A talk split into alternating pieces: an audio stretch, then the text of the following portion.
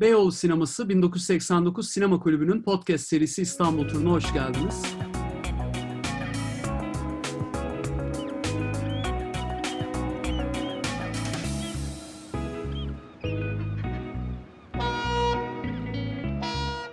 Ben Hakan Bıçakçı.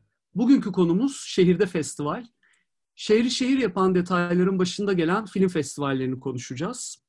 Konumuzsa film festivali denince akla ilk gelen isimlerden Azize Tan. Azize hoş geldin. Nasılsın? Merhaba, hoş bulduk. Teşekkürler. Sen nasılsın? Çok teşekkür ediyorum. Nasıl geçiyor günler? Yani geçtiğimiz ve belki de yakında tekrar girmek durumunda kalacağımız karantina nasıldı senin için? Önce onu konuşarak başlayalım. Çok ilginç bir süreçti. Zannediyorum en çok etkilenen sektörlerden bir tanesi sinema oldu. Yani kültür sanat sektörü pandemiden en fazla etkilenen sektörlerden bir tanesi oldu. Zaten hemen başında sinema salonları kapandı. Bizim hani asli işlerimiz işlerimizden bir tanesi film göstermek olduğu için ve hani insanların bir arada bulunmaması gereken bir dönemde bizim yaptığımız işte tam insanları bir araya getiren bir iş e, bir taraftan da. O bakımdan galiba en çok biz etkilendik ama durmadık. E, hani bir şekilde çalışmaya, üretmeye devam etmeye gayret ettik. İlk başı biraz daha yavaş getir, geçirsem de sonlara doğru artık hani bunun üzerinden ne yapabiliriz, neler üretebiliriz, ne gibi e, çözümler bulabiliriz diye biraz onun üzerine düşünmeye başladım.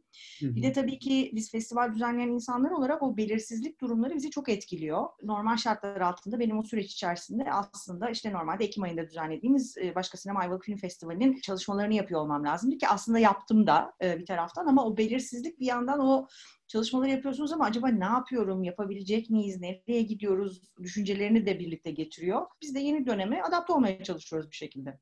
Evet. Bugün İstanbul turumuza ek olarak Ayvalık turu da atacağız.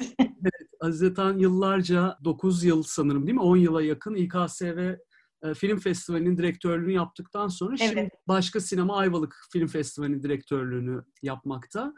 E, girişte de söylediğim gibi şehirden bahsediyorsak şehir gerçekten biraz da festivaller. Yani aslında evlere kapandığımız dönem bunu daha net gördük. Nevşehir'de veya New York'ta olman pek fark etmiyor evde internet başındaysan. Sırf harfleri yakın diye bu iki şehri seçtim.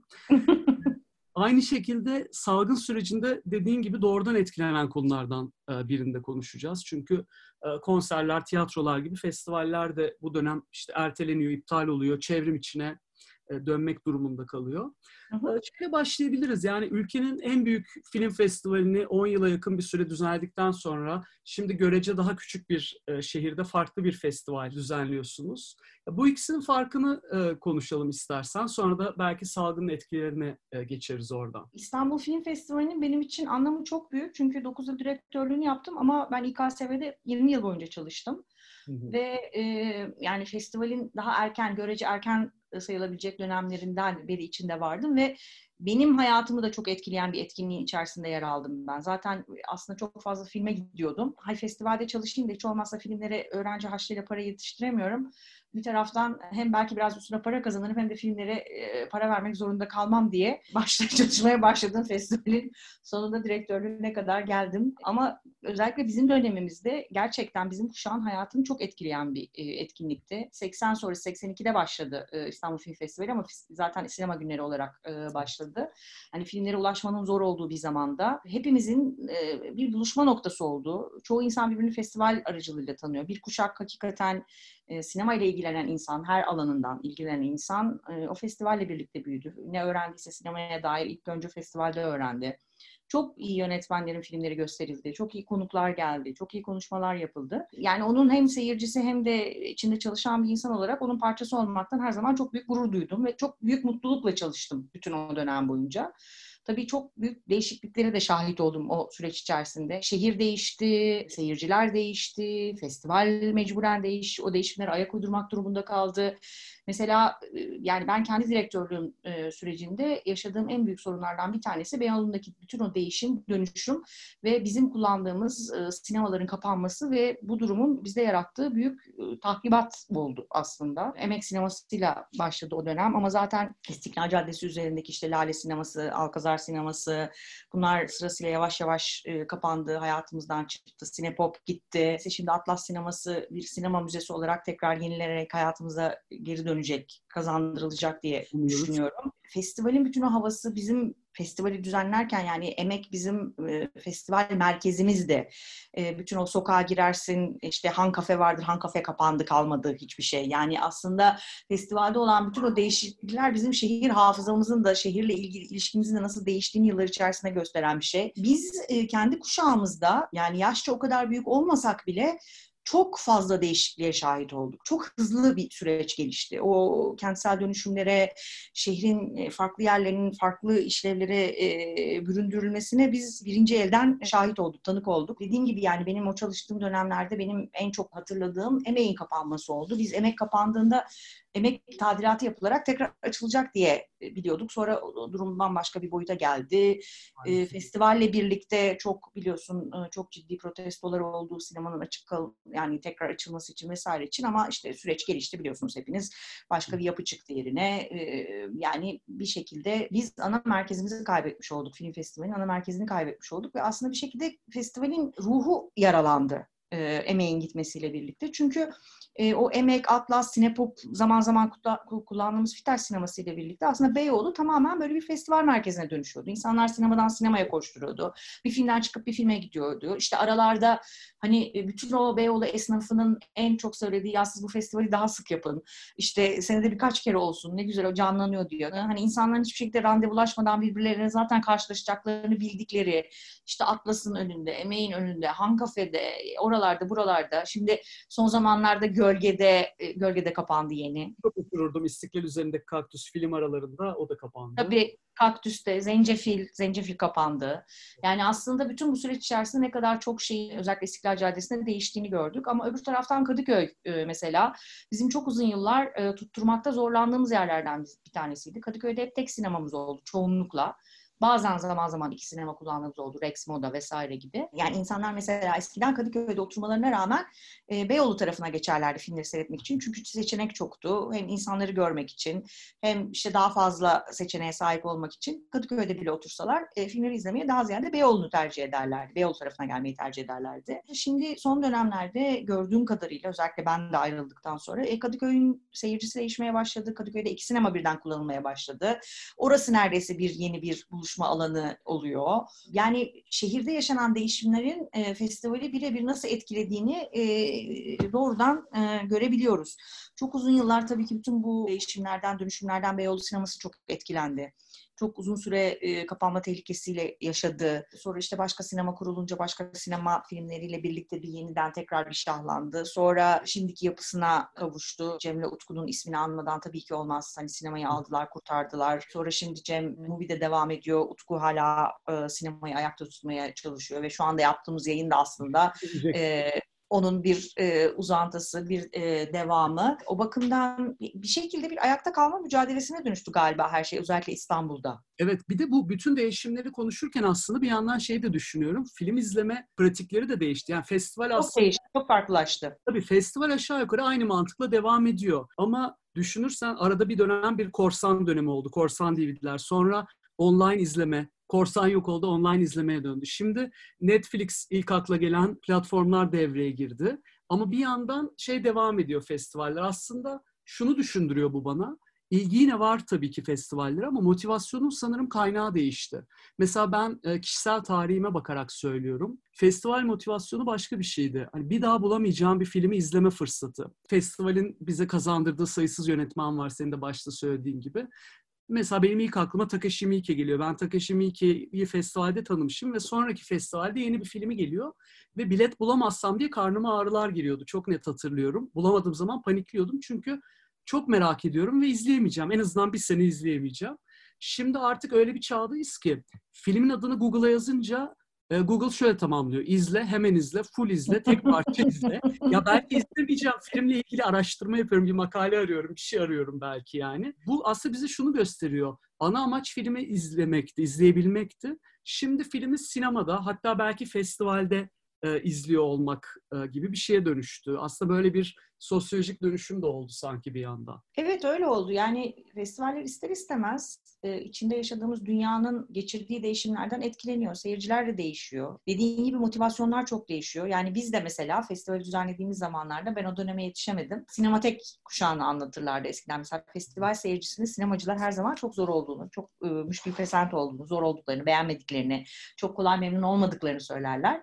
O zaman hep sinematek örneği verirdi. Biz işte sinematekte film gösteririz. İnsanlar merdivenlerde Çince altyazısız filmleri iki buçuk saat kıpırdamadan e, seyrederlerdi. Ah şimdiki festival seyircisi diye sinematek dönemlerinden bahsederlerdi. Şimdi biz de mesela daha e, hani sinema günleri ve onun hemen arkasındaki e, dönemde yetişen festivalciler olarak belki günümüz seyircilerini biraz farklı buluyoruz, değişik buluyoruz ama içinde yaşadığımız dünya da o anlamda çok değişti. Senin dediğin gibi eskiden özellikle e, 80 darbesi sonrası herhangi bir yeni filmin vizyona girmesi iki seneyi, üç seneyi bulduğu zaman zaten hani sanat filmlerinin, art house sinemanın çok dağıtım fırsatı bulamadığı bir dönemde İstanbul Film Festivali neredeyse bir vaha gibiydi. Bir de sinematek kapandığı için 80 sonrasında sinematek işlevi de gördü. Çok iyi retrospektifler e, izledik orada, toplu gösterimler e, yönetmenlere dair. Çok bu anlamda o görev görüyordu ama yıllar içerisinde e, dediğin gibi artık online olarak her şeye ulaşabilme imkanımız aşırı kolaylaşmaya başladığında bir de Türkiye tabii korsanın çok yaygın olduğu ve hiçbir şekilde önüne geçilemediği bir yer. Tabii ekonomik durum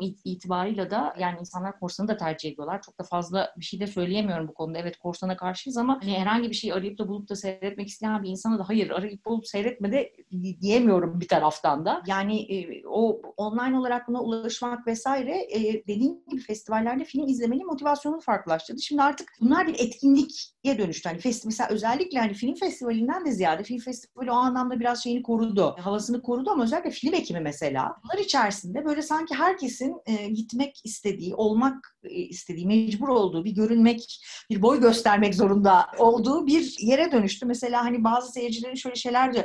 Ben film ekimine gitmek istiyorum diye. E, tamam gidebilirsiniz ama yani hani orada şu filme gitmek istiyorum ya da şunu seyretmek istiyorum değil. Film ekimine gitmek istiyorum. Hani film ekiminde bulunmak, orada olmak, o ortamın içinde olmak. Bir de tabii ki sosyal medyanın bu kadar yaygınlaşmasıyla birlikte her şey çok farklılaştı. Yani film de tıpkı diğer her şey gibi çok çok tabu, çabuk ve hızlı tüketilen bir şey haline dönüştü. Evet. O filmi o festivalde seyretmek, hemen sosyal medya üzerinden görüşlerini paylaşmak en önce ben keşfetmiştim. Önce ben seyretmiştim. Evet, evet. Ben zaten bunu beğendim ya da beğenmedim demiştim diyebilmek bir anlamda o filmi seyretmekten de daha önemli bir hale geldi. O yüzden ne bileyim benim bir filmle ilişkim çok daha farklıdır. Yani o filmi seyreder seyretmez hiç beğenmediğim bir filmi ne bileyim ben 6 ay sonra tekrar seyrettiğimde Allah'ım ben bunu anlamamışım. Meğerse ne kadar güzel bir filmmiş dediğim ya da ilk sinemadan çıktığımda çok etkilendiğim bir filmi ne bileyim gene 6 ay bir sene sonra seyrettiğimde ya ben bunu niye bu kadar beğenmişim o zamanlar böyle de bir filmde değilmiş diye düşündüğüm yani bir filmle ilişkiniz çok değişkendir. Aslında bu sadece Türkiye'de olan bir şey değil. Bütün dünyada aynı şey söz konusu. Mesela festivallerde sektör dergileri çıkar işte Variety gibi, Screen gibi film eleştirmenlerinin yazılarını yazdığı, işte e, film alıcılarının okudukları e, tepkilerden vesairelerden hani filmlerin nerelere satılacağını, ne kadar başarılı olacağını bir parçada nabzını tutan gösteren sektör dergileri. Onlar da mesela son dönemde bu hıza ayak uydurmaya çalışıyor. Hani ben mesela ne bileyim uluslararası festivallerde Berlin gibi, Toronto gibi, Cannes gibi festivallerde artık böyle ışıklı kalemleriyle film sırasında not alan e, film eleştirmeni görmekten bana fenalık geldi ve o adamlar o yazılarını deadline'larıyla birlikte çünkü o dergi bir an önce çıkacak. Film seyredilir seyredilmez hemen herkes her şeye ulaşmak ve paylaşmak zorunda olduğu için o yazıları filmi biter bitmez yani, yani neredeyse jenerikleri akarken filmle ilgili eleştirilerini yazmaya başlıyorlar. Bu ne kadar sağlıklı olabilir? Hani o film üzerine oturtmadan, düşünmeden, bir ne bileyim üstüne bir kahve bile içemeden ne kadar sağlıklı bir değerlendirme yapabilirsiniz ya da o görüşünüz değişse onu nasıl şey yapabilirsiniz? Bu çok çok hızlandı. Çok hızlanan bir döneme dönüştü birdenbire. Her şey çok hızlı tüketiliyor ve sanki o filmi dediğim gibi seyretmek değil de o an seyretmenin önemi var. Çok doğru. Yani sosyal medyada pay mesela benim de uzaktan bir gözlemim. E, film ekimindeyken paylaşılıyor sosyal medyada ama vizyonda izlendiğinde paylaşılmıyor. Halbuki aynı yine aynı sinema salonunda aynı filmi izliyorsun. Hatta ee, şöyle bir anım var. Geçen film ekibinin açılışıydı galiba. Joker filmi gösterildi. Hı. Ee, ben de gittim bir arkadaşımla. Çok ciddi bir şekilde uyarıldık bütün seyirciler olarak. Filmden herhangi bir görüntü paylaşmak kesinlikle yasak. Evet. Lütfen cep telefonu. Ya aslında söylemelerine bile gerek yok ama çok ciddi bir uyarı oldu. Ve film bitiyor artık. Bitmek üzere e, yazılar geliyor yanımızdaki bir e, birisi kıvranıyor. Yani eli telefonda kıvra ve dayanamadı. Çünkü çok ciddi bir şey var onun paylaşım değeri. Hani Joker'i İstanbul'da, Türkiye'de ilk kez izliyor. Tabii. Dayanamadı ve ne olacaksa olsun dedi. Kaldırdı elini çekti bir fotoğraf anında görevliler geldi. Sonra onlarla tartışmaya başladı. Yani şey gibi hani müptela gibi böyle e, telefonu alamadılar elinden. Gerçekten o şeye kapıldı. Halbuki dediğin gibi bir hafta sonra zaten vizyonda film. Onu izlemenin bir kıymeti kalmadı gibi oluyor. Öyle oluyor ya bu şey gibi eskiden hani Japon turistlerle dalga geçerdik ya geliyorlar e, her tarafta ellerinde fotoğraf makineleri sağına soluna bakmadan gerçekten çıplak gözle bakmadan her şeyin fotoğrafını çekip sonra Japonya'ya döndükten sonra fotoğraflardan aa biz buraya gitmişiz evet çok da güzelmiş herhalde diye düşünüyorlar gibi bir şey oldu. Yani filmlerde de öyle sanki o sosyal medyada paylaşmadığın zaman o filmin bir kıymeti kalmıyor, bir şeysi kalmıyor. Hani e, o film sana e, hissettirdikleri, düşündürdüklerinin herhangi bir, bir değeri kalmıyor gibi farklı bir dönemden geçiyoruz gerçekten. Hani sanki biz de sosyal medyada yoksak herhangi bir şekilde bir e, ben mesela hani var sosyal medya şeyleri çok nadir kullanıyorum. Uzun zaman görüşmediğim arkadaşlarım aa ne oldu iyi misin falan diye soruyor. Niye işte hani hiç biz uzun zamandır bir şey paylaşmadık falan. Yok bana hani vaktim yok paylaşamadım. Hani sanki sosyal medyada yoksan sen de yoksun gibi bir, bir, bir şeye dönüştü olay. Filmler açısından da şöyle bir şey var. Mesela e, bu yıl Cannes Film Festivali gösterim düzenini tamamen değiştirdi. Çünkü yarışmadaki bazı filmlere biliyorsunuz basının ön gösterim hakları var. Basın önceden seyrediyor filmleri. Ve ön gösterimden sonra bir takım işte sosyal medya üzerinden e, filme dair şeyler çıkıyor. Ve bazı filmler galalarını, premierlerini yani seyircili premierlerini yapmadan sosyal medya üzerinden yerden yere vurulduğu oluyor ve yönetmenin hiçbir motivasyonu kalmıyor bunun üzerinden. O yüzden belli filmler için ön gösterimi kaldırdılar basına. Basın da ancak seyircilerle birlikte seyredebiliyor. Çünkü yönetmenlerin falan da çok büyük tepkisi olmuş. Yani ve o sosyal medya üzerinden bazen şöyle bir şey geliyor. Yani hani her konuda oluyor bu. Yani tek bir konuda değil linç etme durumu. Yani hani bir film bulup onu ne kadar kötüleyebilirsek, yerden yere vurabilirsek vuralım ya da bir film bulalım onu ne kadar övüp göklere çıkartabilirsek çıkartalım. Birdenbire bütün o yergilerin ya da beğenilerin de bir anlamı kalmıyor sosyal medya üzerindeki. O da sağlıklı bir şey değil. Tamamen ona döndü. Gömmek veya aşırı övmek arasında. Aşırı övmek üzerine yani birden bir bakıyorsun işte hiç koku şey yapsın, e, halt etmiş, e, dünyanın en şahane gerilim yönetmeni falan. Yani tamam çok şahane ve güzel bir film çekmiş olabilir ama Hitchcock niye halt etsin? Bir yönetmenle öbür yönetmeni dövme. çok tuhaf kıstaslara geldik. Yani böyle gerçekten her şey bir e, futbol taraftarı e, seviyesine indi neredeyse. Hani bunu da anlamakta gerçekten güçlük çekiyorum zaman zaman. Yani mesela bir filme şey soruyorlar ya da bu son dönemlerdeki eleştirilerde notlama beni çok geren şeylerden bir tanesi. Yani hani 3,85 falan yani hani ne kiloyla mı tarttık da bu yıldızları veriyoruz ya da bu numaraları, bu puanları veriyoruz bir filme. Yani Hani bazen benim hiç beğenmediğim bir filmin içerisinde bile beni çok etkileyen bazı anlar olabiliyor. O sahne hiç aklımdan gitmiyor. Ama filmin bütünü bana bir şey ifade etmiyor olabilir. Çok acayip bir yerden beni vuruyor, yakalıyor ya da ne bileyim ben çok beğendiğim bir filmin içerisinde hiç olmamış yerler de olabiliyor. Yani çok çok farklı şeyler o. Sadece sadece bir diyalogdan yani bir cümleyi alıyorsun o filmden. Tabii. Ve hayatın sonuna kadar senle kalıyor. Çok net hatırlıyorum. Bir filmde bir yemek pişirme sahnesi ve film çok derece kötü bir filmdi. Bir yemek pişirme sahnesi bana gerçekten anneannemin çocukken e, mutfaktayken pişirdiği şeyi hatırlattı ve o, o sahne hala şu anda gözümdedir. Gitmez yani. Bunu da yakalayabilmiş bir film. Kötü de olsa başarılıdır bence. Yani hani bir şeyi bana o imajla, o şeyle aktarabilmeyi başarmıştır. Yani hani nedir kıstasımız nedir yani mesela? Hani beğeni kıstasımız nedir? Ya da bir filmin güzel olması ya da kötü olması ya da neye göre beğeneceğiz, beğenmeyeceğiz? Ne, ne, ne açıdan değerlendireceğiz? Tuhaf bir döneme girdik zannediyorum. Yani hani bir şeyin üzerine konuşamıyoruz artık uzun uzadıya. Düşünemiyoruz, şey yapamıyoruz. O yüzden aslında biz de belki hani lafı buradan hemen Ayvalık Film Festivali'ne pas edeyim ben.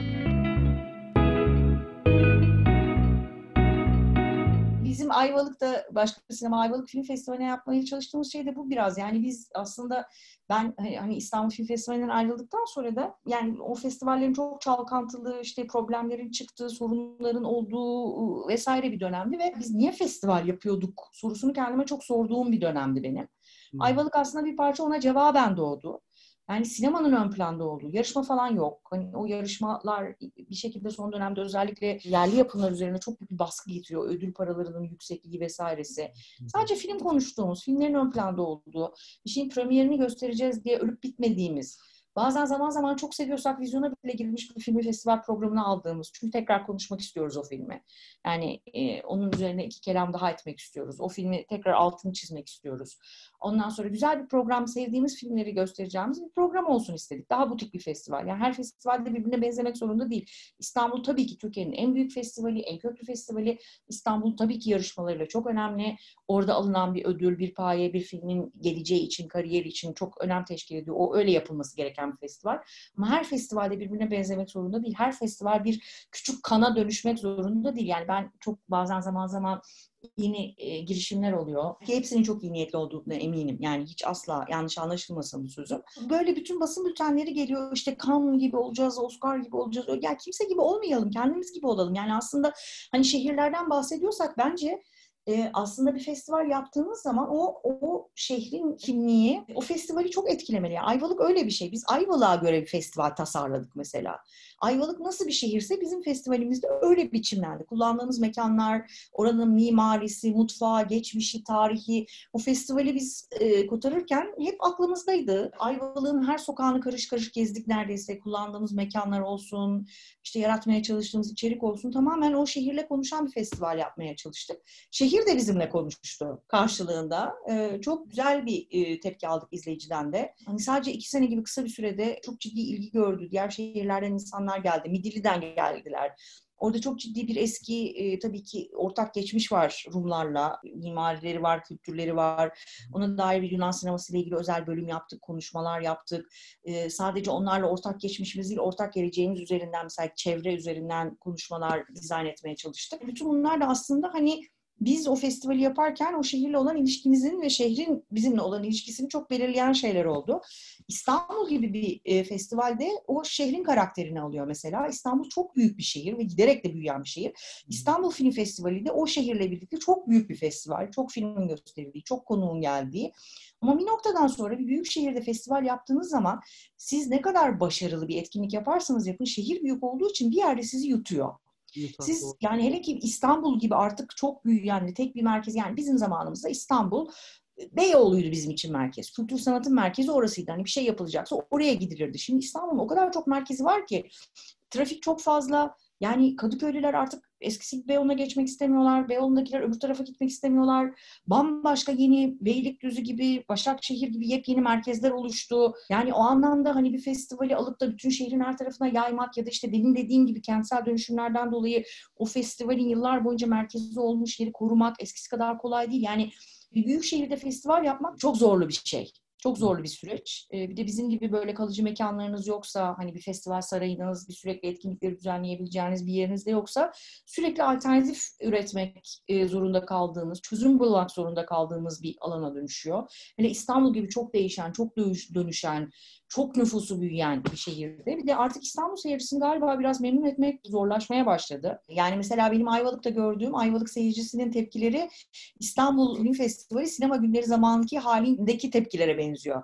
Yani insanlar bu etkinliği çok takdir ediyorlar, çok seviyorlar, çok benimsiyorlar, çok destekliyorlar.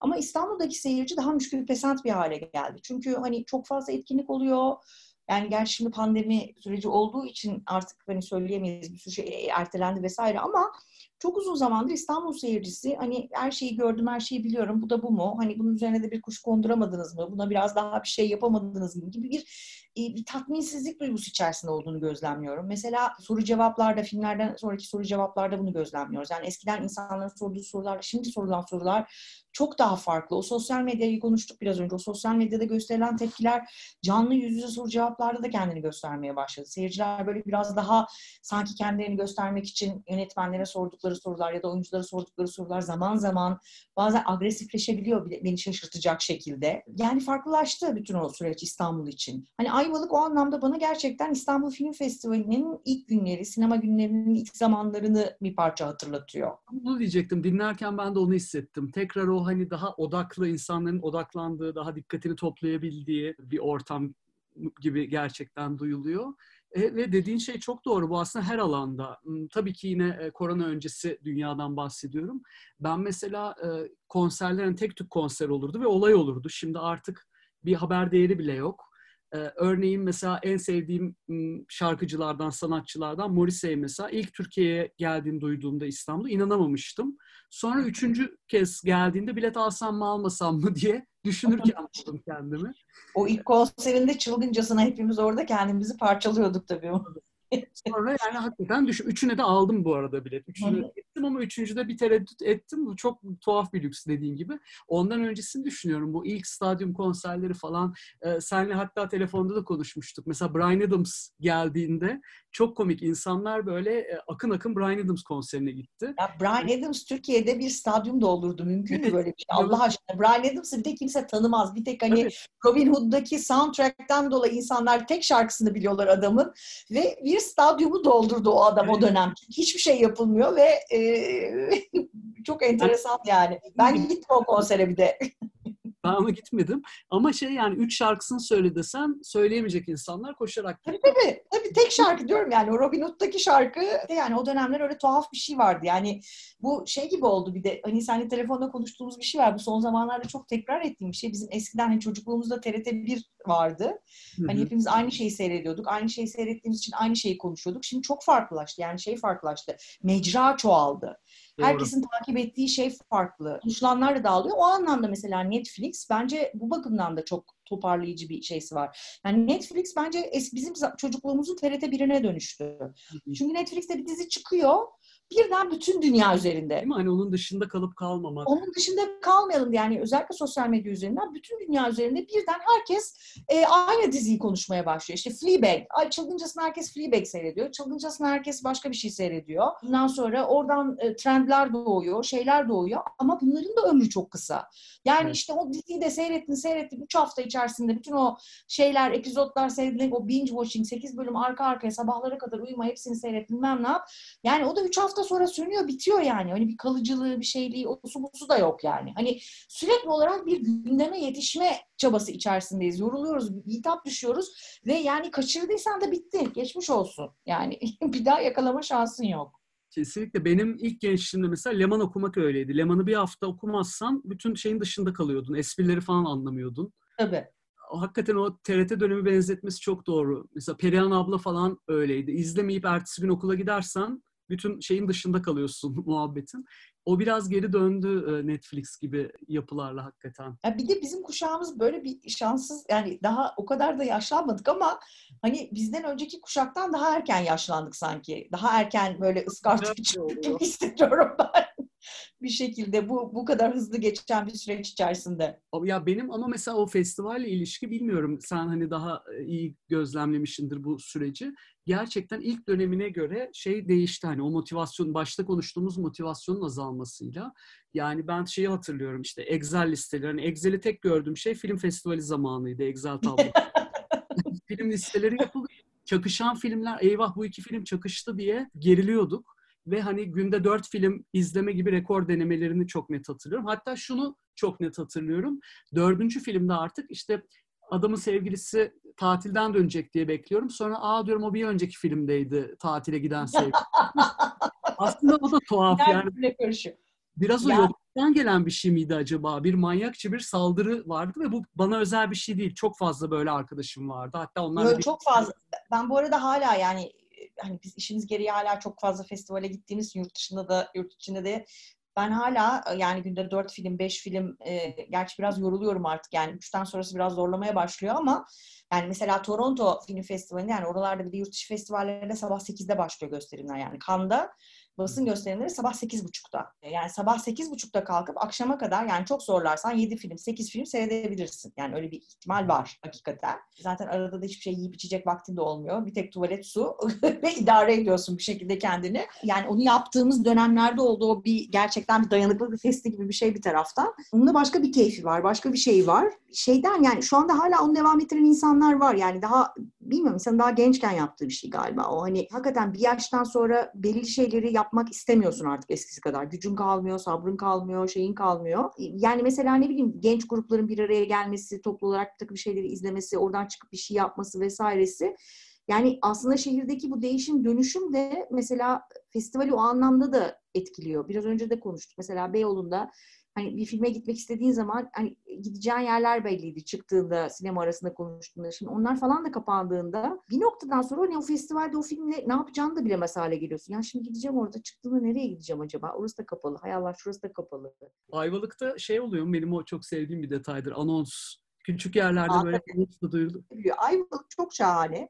Çünkü bu normalde işte kalktıklarında e, hani vefat haberlerini verdikleri, işte belediyenin bir takım anonslar yaptıkları şeylerde işte bugün saat 16'da şu filmimiz oynuyor, bugün saat 21.30'da açık havada şuradayız, şu mahalledeyiz, bilmem nerede bilmem neyiz duyunca insanın çok hoşuna gidiyor. Gerçekten çok hoşuna gidiyor ve şey biz festivali ilk yaptığımız sene e, Ayvalık'ta belediyenin telefonları susmamış. Siz şehirde ne olduğunu farkında mısınız? Ne kadar şahane şeyler oluyor. İnsanlar yani gelenler birden hani festivale gelenler belki çok sayıda değil ama aynı yerlerde sinemalar arasında dolaşmaya başlıyorlar. Birden tanıdıkları bir oyuncuyu görüyorlar, bir yönetmeni görüyorlar ve inanılmaz bir e, atmosfer oluşuyor bir anda. O yüzden dediğim gibi yani festival yapmak, bir yandan iyi bir program yapmak, evet bu çok çok önemli. En önemlisi, olmazsa olmazı, başlıca şeysi.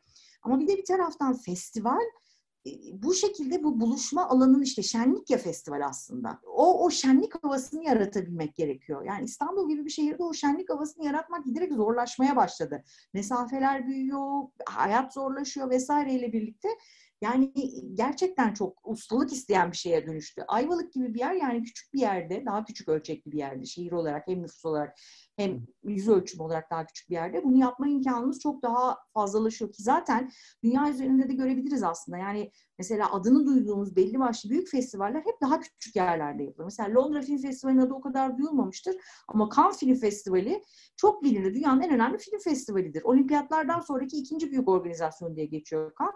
Cannes'ın yapıldığı yer yani Cannes Film Festivali Cannes Ayvalık'tan birazcık daha hallice bir yer yani hani düşünürsek. Orası da bir sahil kasabası. Avignon tiyatro için mesela en önemli festivallerden bir tanesi. Avignon daha da küçük. Küçücük bir yer Avignon. Ve inanılmaz bir değişim geçiriyor. Yani bütün şehir bir aylığına bir tiyatro sahnesine dönüşüyor. Her yer. Bir apartmanın ikinci katından bir şey oluyor. Oradan çıkan bir yerde yani performans yapılmayan bir yer kalmıyor. Edinburgh aynı şekilde.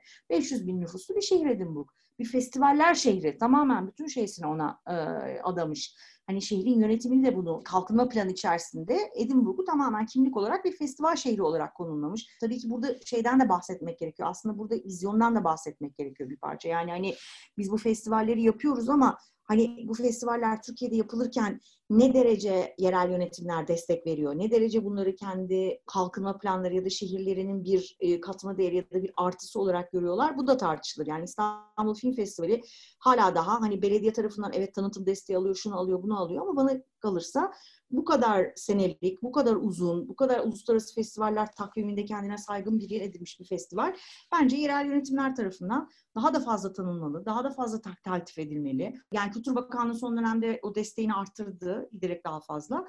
Ama yani şehirler de festivallerine sahip çıkmalı. Çünkü o festivaller şehirlerin daha fazla adının duyulmasına sebep oluyor canlı bir hale getiriyor. Hem de orada yaşayan yerel halk için de e, inanılmaz bir farklı bir e, alan açıyor. O yüzden yani hani biz Ayvalık'ta da hem Ayvalık Belediyesi'nin hem Balıkesir Büyükşehir Belediyesi'nin o anlamda desteğini görüyoruz. Hani onlar da farkındalar bunun. Ama hani bu ilişkinin de bir şekilde dozunda da kalması gerekiyor. Yani bunlar da festivalciler tarafından yapılmalı. Sonra hani işte her belediye başkanı değiştiğinde de o festivalin kaderi değişmemeli. Orada da bir gelenek oluşmalı. Ondan sonra devamlılık sağlanabilmeli vesaire vesaire. Yani çok şeyler var. Yani bu pandemi aslında bir, bir anlamda da bize festivallerin hayatımızda ne kadar önemli bir yer tuttuğunu da göstermedi mi sence de? gösterdi kesinlikle. Ve bu sene ertelendi mi demeliyiz, iptal mi oldu demeliyiz? Hani Ayvalık e, salgının öyle Ayvalık, valla Ayvalık maalesef yani çok çok üzgünüz ama biz e, yani full force işte çalışıyorduk yapmak nasıl gerçekleşir hani tarihleri erken alalım sadece açık havada yapalım her türlü şey yapalım derken bayram sonrası gelen haberler rakamların artması bizi biraz ürküttü açıkçası. Hmm. Ve bu sene yapmamaya karar verdik ki ben hani online bir festival yapmaya son derece karşıyım. Çünkü hani İstanbul online yapabilir. Çünkü İstanbul zaten dediğim gibi trend belirleyen bir festivaldir, büyük festivaldir. Onun göstereceği program öyledir, böyledir. Ama hani Ayvalık gibi bir festivalin online film göstermesi bana çok da anlamlı gelmiyor. Az önce de söylediğim sebeplerden ötürü. Biz gerçekten o şehre göre bir, bir şey tasarlıyoruz. Biz de şimdi bakalım belki böyle bir festival dayanışması yapıp online'da bir 4-5 film göstereceğimiz bir alternatife gidiyoruz. Ben çok tercih etmesem de. Gene de hiçbir şey yapmamaktansa hani en azından böyle bir festivaller arası bir dayanışma yaparak bir şey yapalım istiyoruz. Bu pandemi süreci umuyorum bir öğretici süreç olur herkes için. Bu dayanışma ruhunu hep birlikte koruyabiliriz. İyi bir film iyi bir filmdir. Yani Toronto'daki bir seyircinin ya da Venedik'teki bir seyircinin filmi önce izlemesinin bence o filmin iyiliğiyle ya da kötülüğüyle hiçbir alakası yok. Endüstrinin dayattığı manasız seyircileri de hiçbir şekilde gözetmeyen, tamamen endüstrinin dayattığı manasız bir rekabet yolunu açtı. Bence filmlere de filmcilere de bir faydası da yok. Bence e, bu, bu pandemi hepimiz için umuyorum öğretici bir süreç olmuş. Aslında bu platformların gösterdiği filmler de nasıl bir etkisi olur bilmiyorum. O konuda da benim kafam karışık. Mesela hani Roma gibi bir filmi hani sinemaya değil Netflix'e gelmesi ya da sinemayla aynı anda o da aslında biraz geleceğiyle ilgili yani festivallerin geleceğiyle ilgili bir şey söylüyor mu acaba? Festivaller de değişecek, dönüşecek. Yani bu yani biz hepimiz e, şöyle yani nostalji bir yere kadar. Yani tamam hmm. ah bizim zamanımız da çok güzeldi. İşte orası da eskiden dutluktu demek gibi bir şey. Yani ya... evet. biz arada daha önceki birkaç bölümde de o kuyulara düştük biraz ama e, sonu yok. Çok haklısın. Ya sonu yok. Şöyle bir şey değişiyor. Dünya değişiyor, zaman değişiyor. İstemediğimiz şekilde değişiyor. Daha iyi bir yere gidebilecekken daha kötü bir yere gidiyor. Evet ama bir şey değişiyorsa o değişime yani sonuna kadar körü körüne e, ayak uydurmaktan bahsetmiyorum ama o değişimle birlikte biz bunu en faydalı, en iyi şekilde, en içimize e, sinen şekilde nasıl, ne yapabiliriz, nasıl dönüştürebiliriz bunu düşünmemiz gerekiyor. Yani sürekli şikayet etmek bizi bir yere getirmiyor. Ben artık bundan da çok yoruldum. Yani çünkü herkes bir eski günler, evet eski günler her zaman yani 2000 yıl önce de insanlar eski günlerden e, dem vururlar ve ah eski günler ne kadar güzel. Yani insanın doğası bu. Herkes kendi yaşadığı dönemin yani iyi şeyler yaşadığı dönemin en iyisi olduğunu düşünüyor. Mesela yani şu arada yani dünyanın yaşadığı en kötü günlerden geçiyor olmamız tabii ki bu konuşmadan bağımsız bir durum. Gerçekten çok evet. çok kötü bir dönemden geçiyoruz. Yani her bakımdan çok kötü bir dönemden geçiyoruz. Ne yapalım hep birlikte depresyona girip oturamayacağımıza göre bir şekilde buna nasıl ayak uyduracağız? Bunu nasıl dönüştürebileceğiz? Bunu nasıl başka türlü bir şeye çevirebileceğiz? Onu düşünmemiz gerekiyor diye düşünüyorum. Yani Netflix'e hayatımızdaki bir gerçeklik. E, Netflix'i de zaten farkındaysanız öyle oturup da tek başına taht kursun diye bırakmadılar. İşte Disney kendi kanalını açtı, Apple açtı, o açtı, bu açtı. Bir noktadan sonra gene her şey dağılacak zaten. Neyi nereden seyredeceğimizi iyice bulamaz hale geleceğiz. Ay o film Hulu'da mıydı, öbürü öbür tarafta mıydı? Ay şu platforma üye olmuştum, ay öbürüne üye değilim, o öyle miydi, bu böyle miydi diye. Gel de korsan seyretme diyorum burada. Ee, dövecekler beni en sonunda. Roma'yı özellikle belirttim aslında. Biraz sanki perdede izlenmesi gereken bir film. Ya, Roma'yı sen zaten telefonda da konuşmuştuk. Şimdi Roma çok bariz bir şekilde sinemada gösterilmek için çekilmiş bir film. Evet. Yani bizim çok uzun zamandır seyretmediğimiz bir grand sinema örneği. Büyük sinema. Yani hani herhangi bir sinemada da seyredilmemeli Roma. Gerçekten emek gibi bir sinemada seyredilmeli. O kadar büyük bir sahnede, o kadar büyük bir perdede seyredilmeli. Yani mesela o yangın sahnesi, o işte yılbaşı kutlamaları için gittikleri yerde o kamera devam ediyor. Sürekli devam ediyor. Bir devamlılık o evin içerisindeki partiden çıkıyorsun, yanan şeye doğru gidiyorsun, o onu gösteriyor. O o ekran, o kamera kullanımı, ses tasarımı, yani o filmi evet televizyonda da seyredip beğenebilirsin ama sinemada seyrettiğinde sana hissettirdiği şeyin herhalde 50'de birini falan hissettirir diye düşünüyorum. Yani ve belli ki çok büyük o amaçla çekilmiş bir film. Yani yani o film o post prodüksiyonu için harcanan emek, zaman, para o filmi ancak ve ancak Netflix'in parasıyla çekebiliyor. Nasıl olacak bu iş? Yani bu üstüne düşünmemiz gereken bir şey. Ve Netflix bunu alıyor, çok güzel bir şekilde kullanıyor. Neyse ki şimdi en azından eleştirile biraz e, kulak vermeye başladı. Bazı filmleri sınırlı sinemalarda, böyle işte hani başka sinema gibi oluşumlarda sınırlı şekilde vizyona sokuyor. Mesela Paris'te bir sinema salonu satın aldı Netflix son dönemde. Mesela Cannes Film Festivali çok uzun süre. Yok öyle olmaz, yok böyle olmaz dedi. Netflix'e posta koydu. Netflix'e gösterilen filmleri yarışmasına almamaya başladı. Yani anlıyorum bir kaleyi kaybetmek istemiyorlar. Bir şey korumaya çalışıyorlar.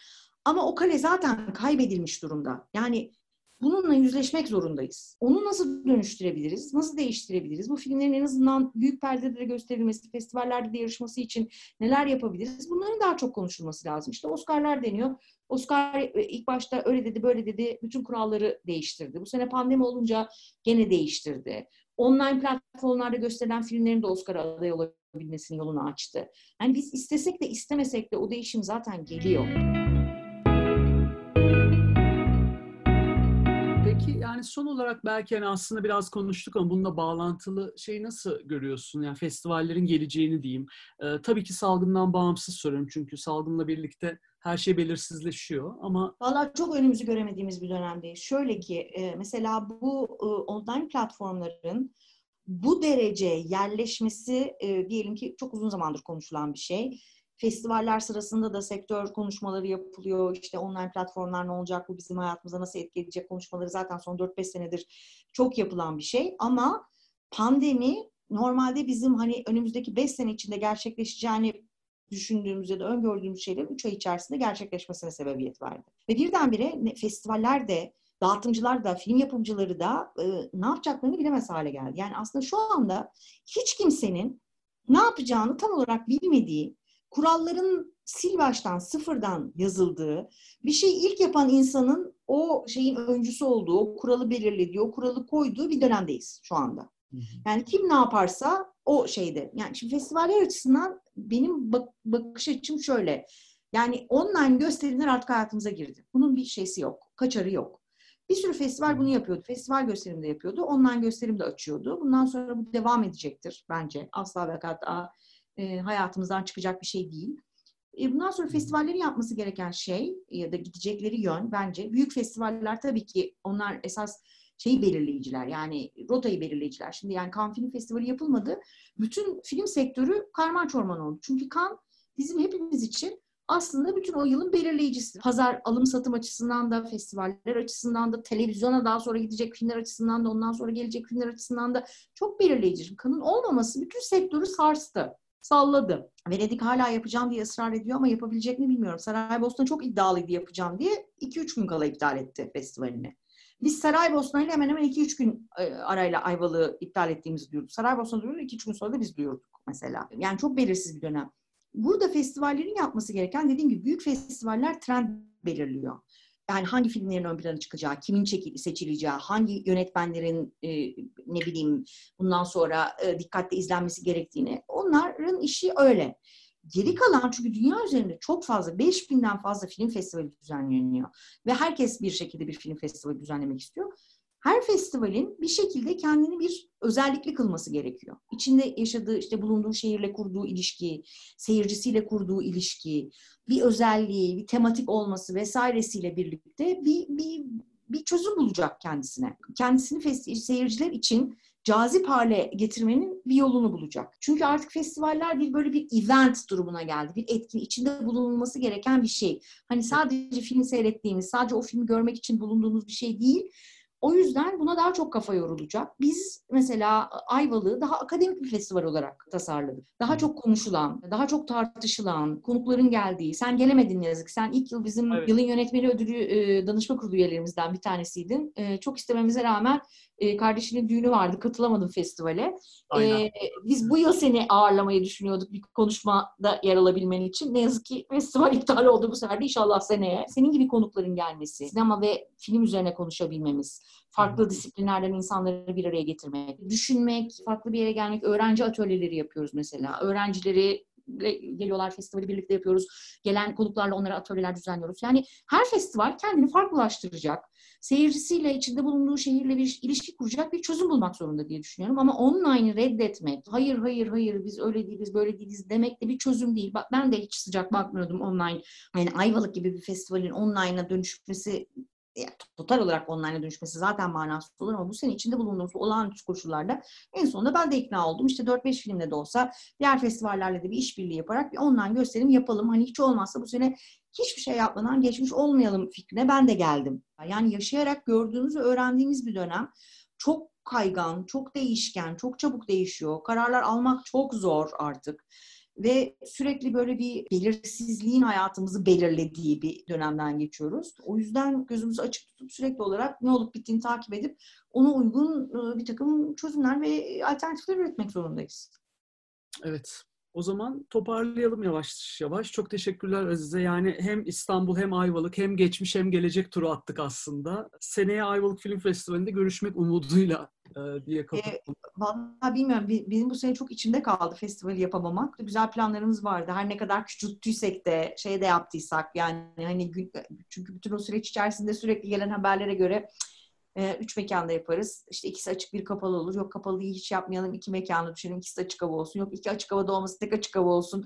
İşte ay beş gün mü yapalım bilmem ne. Yani giderek küçültü küçültü küçültü küçültü. Gene de kompakt ve kendi içinde güzel bir şeye dönüştüreceğimiz bir şeydi. O yüzden gelecek seneye hazırlanmak için daha çok vaktimiz var diye düşünüyorum. Hani umuyorum ki bu belirsiz durum e, daha netleşir. Yani her şeyin ötesinde tabii ki yani e, sonuçta bizim de hayatımız bu. Biz hayatımızı sadece bu şekilde kazanmıyoruz, bu şekilde yaşıyoruz bir yandan. Hani festivaller bazen e, lüks gibi görünebiliyor insanlara ama bir yandan da hakikaten nefes alma alanları, insanların akıl sağlığını koruma alanları gibi geliyor bana. Yani sanatın, kültürün o sağaltıcı etkisini de hiçbir zaman unutmamamız gerekiyor. Tabii ki tedbirler çok önemli. Onları aklımızda tutmamız gerekiyor. Onlara uygun bir takım şeyler yapmamız gerekiyor ama yani ah bu dönem var, bunu da yapmayalım, şimdi buna gerek mi vardı diye düşünülebilecek bir, bir durum olduğunu da düşünmüyorum. Her zaman bunlara ihtiyacımız var.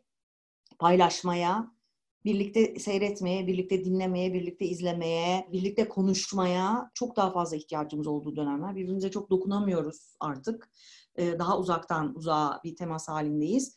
Hani bunları da kaybedersek bir parça insanlığımızdan da kaybedeceğiz diye korkuyorum ben. E, o yüzden en kısa zamanda normale dönme, dönebilmeyi de umut ediyorum ve gelecek sene için yani hakikaten e, hazırlanabilecek daha da fazla vaktimiz var. E, onun için uzun uzun çalışacağız. Seninle de o dönemde güzel güzel konuşur bir şeyler, planlar yaparız. Umuyorum gelecek sene Ayvalık'ta da görüşürüz. Memnuniyetle. Orada görüşmek üzere diyelim o zaman. Çok teşekkürler. Ben çok teşekkür ediyorum. Çok keyifliydi seninle sohbet etmek.